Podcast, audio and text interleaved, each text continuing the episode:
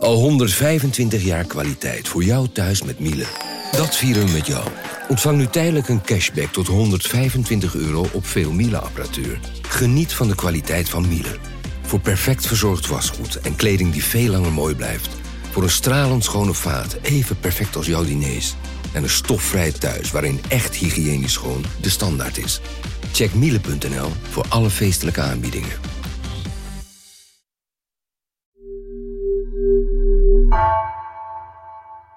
Vanaf de redactie van NRC het verhaal van vandaag. Mijn naam is Gabriella Ader.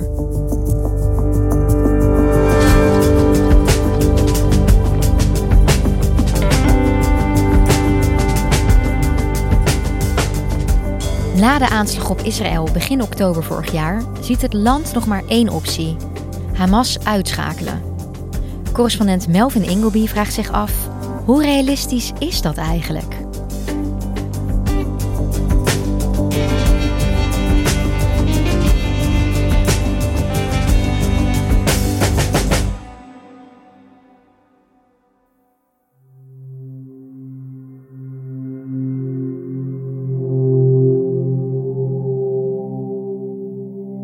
Afgelopen week was de uitvaart van Saleh El Arouri.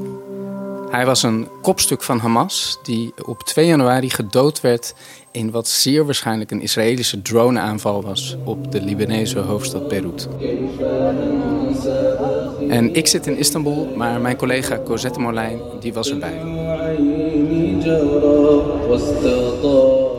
Die dienst begon bij de Imam Ali Moskee in Shatila. Dat is een uh, voormalig Palestijns vluchtelingenkamp. Dat inmiddels een, uh, ja, eigenlijk een gewoon stadsonderdeel is van Beirut.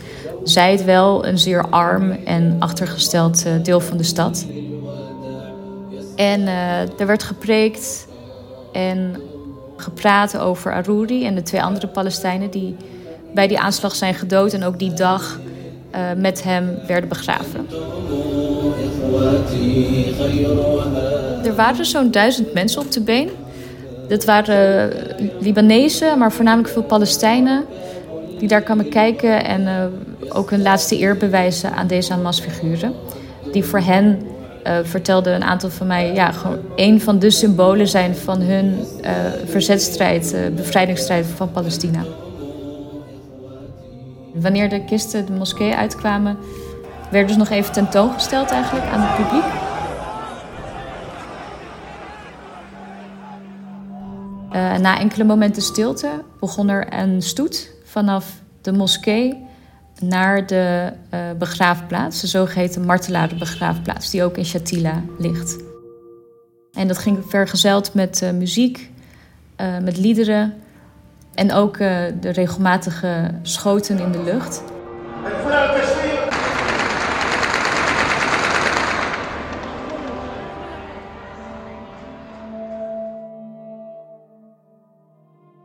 En die aanslag op Arouri in de Libanese hoofdstad Beirut, dat laat wel echt zien hoe ver Israël bereid is te gaan om Hamas uit te roeien. Want de enige manier om veiligheid en vrede en een toekomst te krijgen, zegt Israël, is door Hamas volledig te vernietigen. If you want peace, destroy Hamas. If you want security, destroy Hamas. If you want a future for Israel, the Palestinians, the Middle East, destroy Hamas. Maar drie maanden na 7 oktober en bijna 23.000 Palestijnse doden verder, is Hamas nog lang niet vernietigd. En dat roept wel de vraag op: wat behelst het eigenlijk om zo'n organisatie die zo diep geworteld is in Gaza, om die volledig uit te roeien? En kan het eigenlijk wel?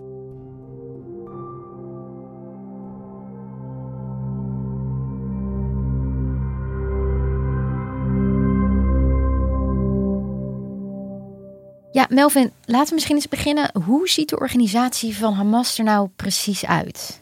Nou, Hamas werd in 1987 opgericht en kwam voort uit de moslimbroederschap.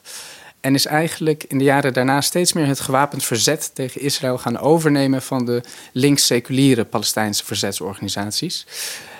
En het is niet zozeer het islamisme van Hamas, maar vooral ook dat ze dat verzet heel erg uitdragen, wat hen zo populair maakt. En dat leidde in 2006 toe dat ze de Palestijnse verkiezingen wonnen. En sinds 2007 de Gazastrook besturen. Dus Hamas is een politieke partij. Het is ook een brede sociale beweging met allerlei organisaties. Maar het heeft ook een militaire tak, de Qassam-brigades. Bovendien is het zo dat Hamas ook op de westelijke Jordaanoever uh, aanwezig is, maar daar meer ondergronds opereert. En dat ze heel erg actief zijn in de diaspora. Juist ook omdat Israël eigenlijk al sinds 1948 heel veel Palestijnen het land uit heeft gedreven, speelt die Palestijnse politiek daar ook. Uh, Hamas doet dat met name vanuit Qatar, waar de politieke leiding gevestigd is. Maar ook in Beirut, waar ze veel contacten met Hezbollah onderhouden. En er komen ook Hamas-leden um, vaak naar Turkije. Dus ze zijn niet alleen in Gaza actief, maar eigenlijk in de hele regio. Waar ze in veel landen ook welkom zijn en lobbyen voor politieke steun, voor geld uh, en voor wapens. Lobbyen voor politieke steun, dat, dat klinkt ergens nog een soort van onschuldig. Terwijl, ja, er zijn ook veel beschuldigingen het adres van Hamas dat het gewoon een terreurorganisatie is. Hè? Zoals toen ook met die laatste aanslag op 7 oktober in Israël. Ja, Hamas wordt inderdaad door het Westen en door Israël aangeschreven als een terreurorganisatie. Maar bijvoorbeeld niet door grote delen van de Arabische wereld of door veel Aziatische en Afrikaanse landen. Ik denk dat het duidelijk is dat Hamas uh, terreurdaden begaat. Ze plegen al jaren bomaanslagen. Ze hebben jarenlang uh, bommen in uh, bussen vol burgers geplant en aanslagen uitgevoerd op Israël. Ook de aanval van 7 oktober was duidelijk een terreurdaad en ging gepaard met heel veel terroristisch geweld. Maar dat betekent nog niet dat Hamas meteen precies hetzelfde is als bijvoorbeeld IS of Al-Qaeda. En dat is wel een vergelijking die Israël heel vaak trekt. Dat zijn organisaties die heel erg gedreven worden door een jihadistische ideologie. En eigenlijk het zaaien van terreur en uh, het plegen van aanslagen hun, hun voornaamste bezigheid uh, maken. En hoewel 7 oktober dus gepaard ging met terroristisch geweld, benadrukken veel Hamas-kenners juist dat dit niet alleen ging om het blind zaaien van terreur, maar dat het juist het resultaat was van een rationele en hele calculerende afweging van Hamas, die zag dat de Palestijnse zaak op allerlei manieren in het nauw was komen te zitten. Niet alleen is de situatie in Gaza al jaren uitzichtloos, maar ook is een extreemrechtse regering in Israël aan de macht die de kolonisatie van Palestijnse gebieden alsmaar voorzet en dreigde ook internationaal de Palestijnse zaak vergeten te raken. Zo waren ook Arabische landen bezig om de banden met Israël aan te halen, et cetera. Dus Hamas die zag dat allemaal en die dacht: het is nu of nooit. We moeten nu een extreme daad stellen. En wat je ziet is dat door dat terroristische geweld het trauma in Israël natuurlijk enorm is. En dat uh, Israël meer dan ooit vastbesloten is om Hamas uit te schakelen. Ja, en hoe gaat dat uitschakelen nu? Nou, dat is heel moeilijk te zeggen, omdat het natuurlijk ook heel moeilijk te controleren is wat zowel Hamas en Israël hierover beweren. Zo zegt Israël dat het inmiddels 8000 van de naar schatting tussen de 25 en 40.000 Hamas-strijders heeft gedood. Dat zou kunnen kloppen, maar het valt moeilijk te rijmen met Palestijnse berichten dat 70% van alle 23.000 doden in Gaza vrouwen en kinderen zijn. Want dan kom je uit op nog iets van 7000 gedode mannen. En dat zijn ook lang niet allemaal Hamas-strijders. Dus dat roept wel vragen op. Israël zelf zegt: uh, wij hebben in het noorden van Gaza de commandostructuur van Hamas volledig ontmanteld. Maar het erkent ook dat strijders individueel nog wel doorvechten. En bovendien in het zuiden beschikt Hamas over meer capaciteit. En er zijn ook ex-Israëlische topmilitairen die zelfs zeggen dat zij nog geen enkel teken zien dat de militaire capaciteit van Hamas aan het instorten is. Dus ik denk dat het veilig is om te concluderen dat Hamas militair verzwakt is, maar nog zeker doorvecht. Maar Melvin, we horen continu dat het aantal burgerslachtoffers stijgt. Um, het is duidelijk dat er internationaal steeds meer spanningen zijn. Ja, kan Israël eigenlijk nog wel zo doorgaan? Nou, ik denk dat het feit dat Israël op deze manier oorlog voert ook in grote mate te maken heeft met de ruimte die het van de internationale gemeenschap gekregen heeft. Na 7 oktober was de schok over dat extreme geweld door Hamas zo groot dat veel van Israëls bondgenoten zeiden van ja, natuurlijk moet Hamas volledig uit de weg worden geruimd. Uh, de Amerikaanse president Biden heeft beaamd dat Hamas geëlimineerd moet worden. President Macron in Frankrijk heeft opgeroepen tot een internationale coalitie tegen Hamas. Dus destijds zei inderdaad iedereen: ja, ga ervoor. Veeg die organisatie van de kaart. Terwijl experts er toen ook al voor waarschuwden dat het een illusie is om te denken dat dat zomaar gaat.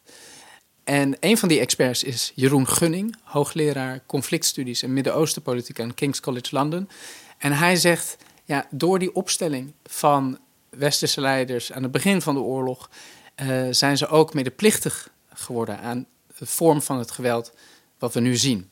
In, het Westen, uh, regeringen hebben allemaal het verhaal van Israël overgenomen dat Hamas niet meer zou mogen regeren uh, vanwege wat het deed op, op 7 oktober. Hij zegt dit heeft de deur geopend tot wat sommige juridische experts als genocide omschrijven. Maar elke regering die dit verhaal herhaalt, en, en dus de, de bias into it, zullen we zeggen, wordt dan ook medeplichtig aan het creëren van, van de voorwaarden voor een genocide. En daarmee verwijst hij ook naar de zaak die Zuid-Afrika onlangs heeft ingediend bij het Internationaal Gerechtshof in Den Haag, waarin het Israël beschuldigt van genocidale daden. Het idee dat je dus zo'n organisatie kan uitroeien en ook dat dat iets is wat dus, dus politiek haalbaar zou kunnen zijn, is, is, een, is een illusie. En komt met hele grote kosten voor de mensen in Gaza. En je ziet nu wel dat door die enorme verwoesting in Gaza, door dat intense burgerleed, door de hongersnood, de epidemieën, al die duizenden doden en ook het risico op regionale escalatie van de oorlog, dat steeds meer wereldleiders toch een beetje beginnen terug te krabbelen van die eerdere positie. Zo zei Macron begin december dat Israël toch beter preciezer kan zijn in het formuleren van zijn doelstelling. En hij zei: Denkt iemand nou dat Hamas totaal vernietigen mogelijk is? Dat betekent een oorlog van tien jaar. Dus je ziet wel dat er iets aan het kantelen is. En dat ook Israëls bondgenoten steeds meer van Israël vragen dat uh, ze het oorlogsrecht respecteren. En dat ze voorzichtiger te werk gaan in Gaza. En misschien die doelen toch iets bijstellen. Maar denk je dat de houding van Israël dan ook echt gaat veranderen daarin? Nou, dat is natuurlijk de one million dollar question. Uh, vooralsnog lijkt het er niet op. Netanyahu heeft onlangs gezegd dat het juist vasthoudt aan alle doelen. En hij heeft al gewaarschuwd dat deze oorlog lang kan duren.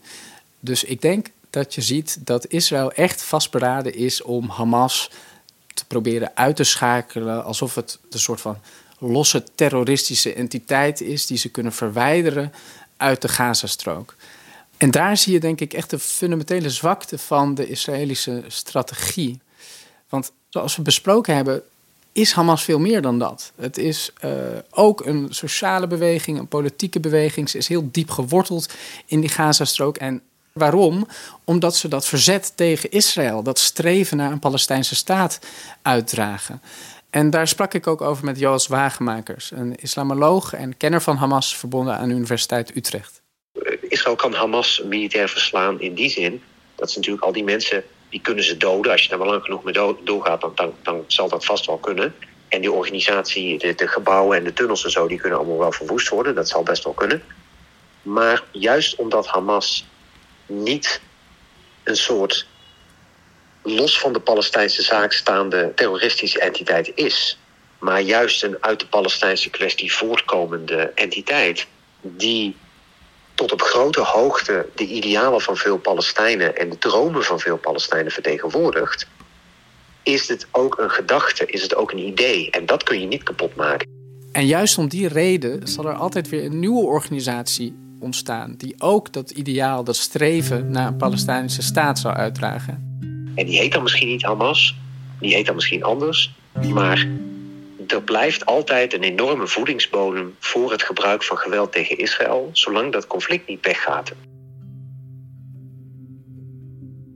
En heb jij enig idee hoe groot de steun voor Hamas nu nog is in Gaza dan? Nou, ook dat is natuurlijk heel moeilijk te zeggen. Het is zeker niet zo dat alle Palestijnen in de Gazastrook Hamas steunen. Ook voor de oorlog was al heel veel weerzin tegen het autoritaire bewind van Hamas. En nu komt daar ook de woede en de wanhoop over de gevolgen van 7 oktober bovenop. Dus je ziet zeker wel anekdotische bewijzen dat de kritiek op Hamas toeneemt. Maar de weinige peilingen die er zijn, die wijzen daar voorlopig niet echt op. Zo is er de peiling van het Palestinian Center for Policy and Survey Research, die over het algemeen als betrouwbaar wordt aangemerkt. Er is een peiling in december gedaan en die laat zien dat uh, eh, 42% van de bevolking in Gaza Hamas steunt. Dat is 4% meer dan voor 7 oktober. Ook zegt bijna 60% van de bevolking dat de aanval op Israël juist was. En je ziet dat er nog steeds heel veel weerzin is tegen Israël. 97% zegt dat Israël oorlogsmisdaden begaat, terwijl maar 17% zegt dat Hamas dat ook doet. En ook heel interessant, je ziet dat op de westelijke Jordaanoever, dus het andere deel van de Palestijnse gebieden, eh, de steun voor Hamas juist verdriedubbeld is. Dus over het algemeen zie je zeker niet dat de steun voor Hamas aan het instorten is.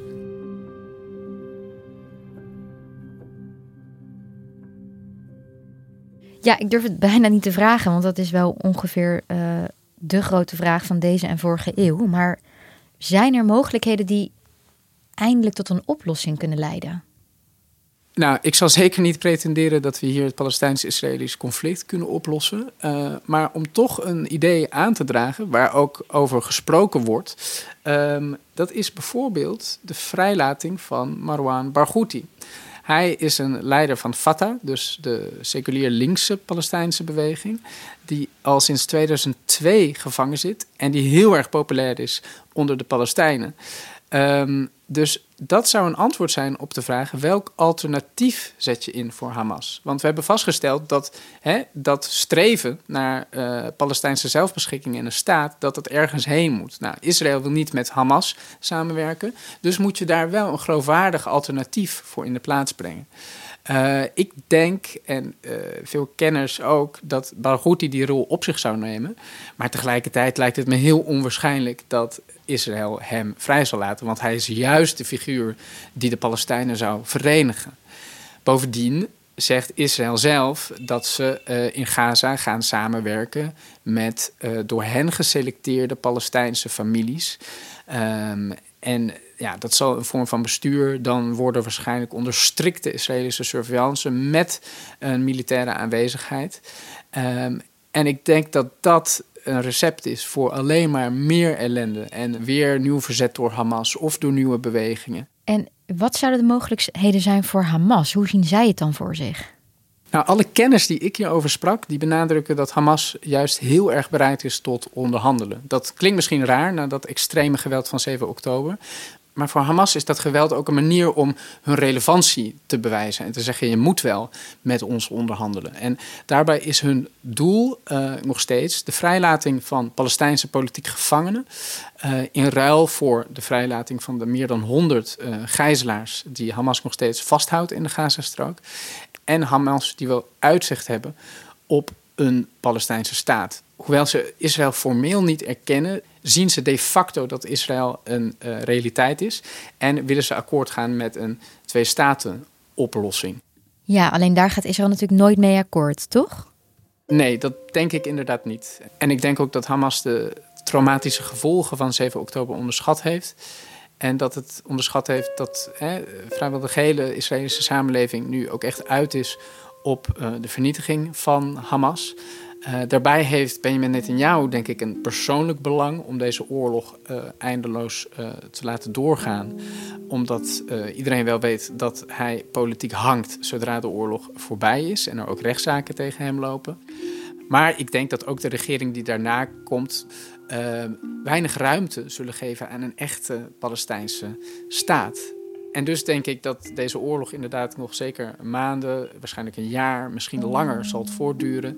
En dat we daarna gewoon belanden in dezelfde spiraal van geweld en dezelfde uitzichtloosheid. En dat er geen oplossing in zicht is.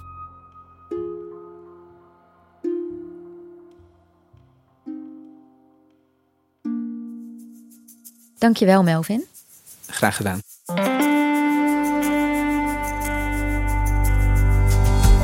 Je luisterde naar vandaag, een podcast van NRC. Eén verhaal, elke dag. Deze aflevering werd gemaakt door Mila Marie Bleeksma, Ruben Pest en Ignaas Schoot. Coördinatie door Henk Ruigrok van de Werven. Dit was vandaag, morgen weer.